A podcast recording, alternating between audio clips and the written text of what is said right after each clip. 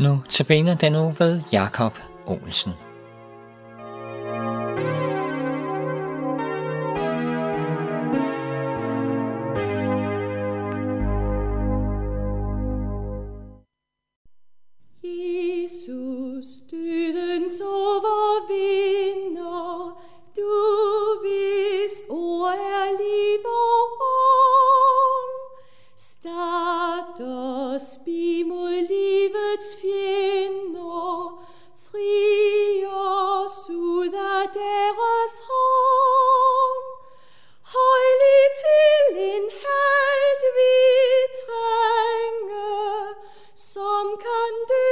Jerusalem.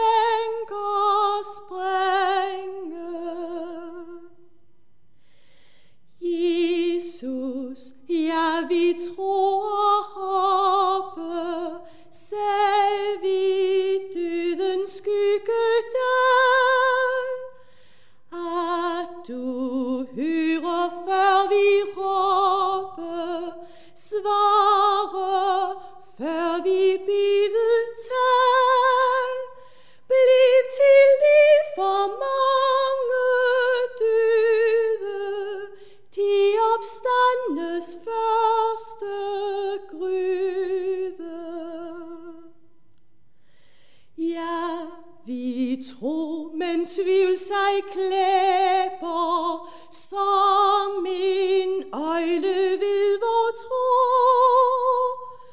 Døden spiller os på land.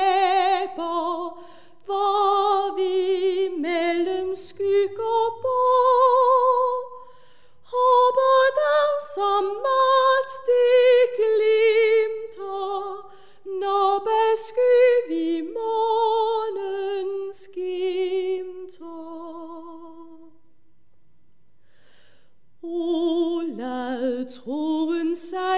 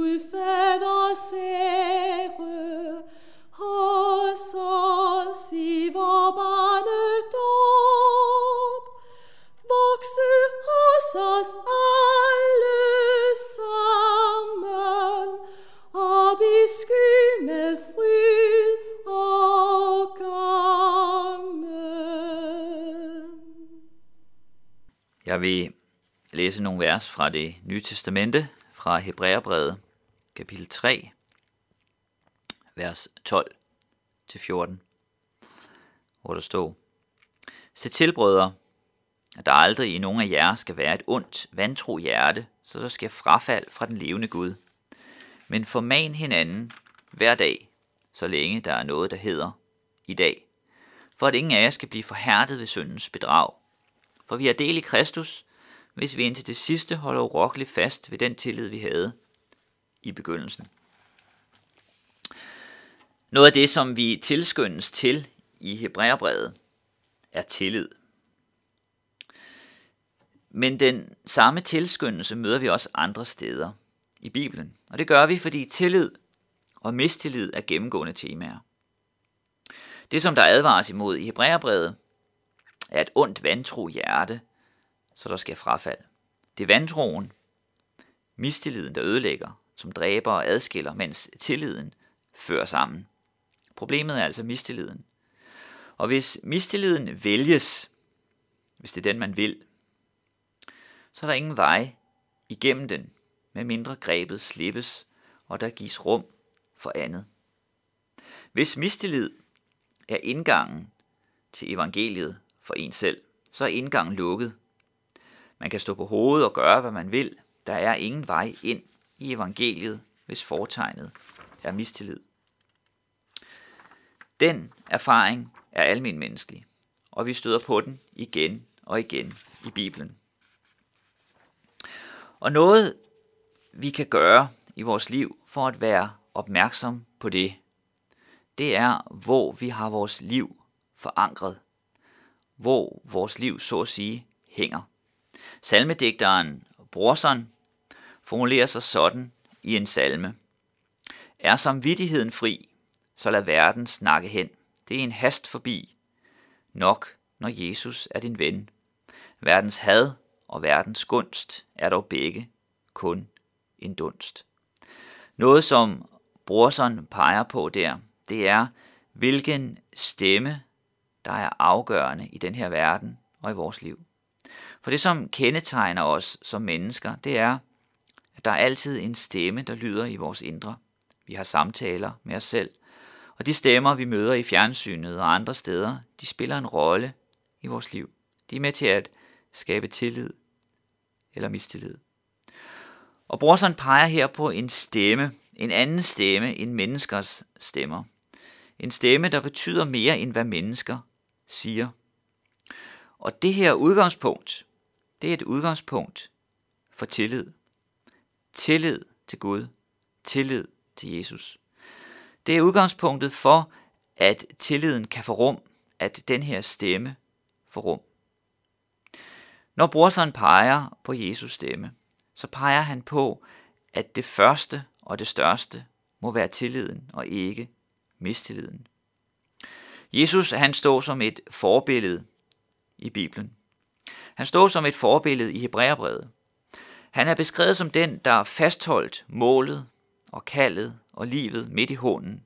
Han mistede ikke tilliden til Gud, overraskende nok heller ikke til disciplerne på trods af deres svigt. Men Jesus han er mere end et forbillede. Langt mere. Verset fra Brorson, som jeg læste før, begynder med sætningen, er samvittigheden fri. Et problem for os kan være, at samvittigheden ikke er fri. Den er bundet. De rygter og de stemmer, som florerer uden for dig eller inden i dig i dit eget sind, kan have en snært af sandhed.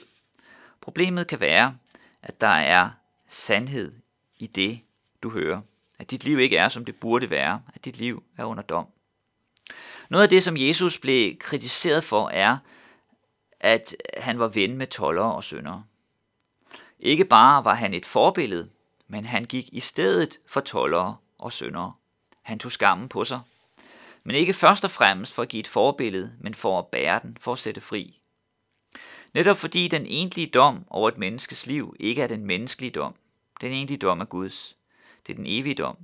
Og i sammenligning med den er den menneskelige vurdering reelt ligegyldig. Det er Guds dom, der afgør alt. Og i den dom gik Jesus ind for at zone skylden, synden og skammen, for at sætte samvittigheder fri. Hans ledelse ved Guds hånd var ikke på skrømt, men den var virkelig. For at tage din skyld, din synd og din skam. Her sættes samvittigheden fri. Herfra udspringer en grundlæggende tillid til livet. Her bindes mennesker til et ord og en person, som bryder igennem al hån, al mistillid. Når vi i Hebræerbrevet hører, at vi må holde fast ved tilliden, så er det dette, vi må tilbage til. Tilbage til hans ord, tilbage til ham.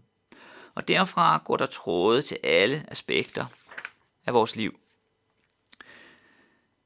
Det betyder ikke, at vi slipper for kampe. Det gjorde Jesus ikke.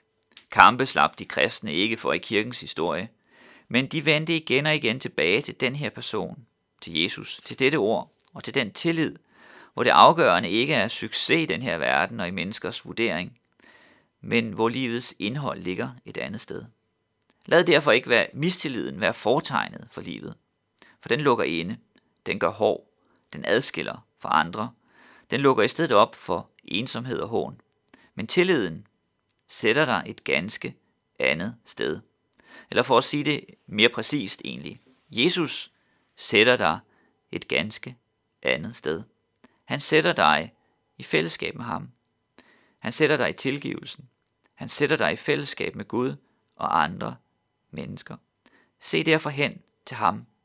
Lad hans stemme få rum i dit liv. Derfra fødes en tillid og dermed et nyt liv. Amen. Música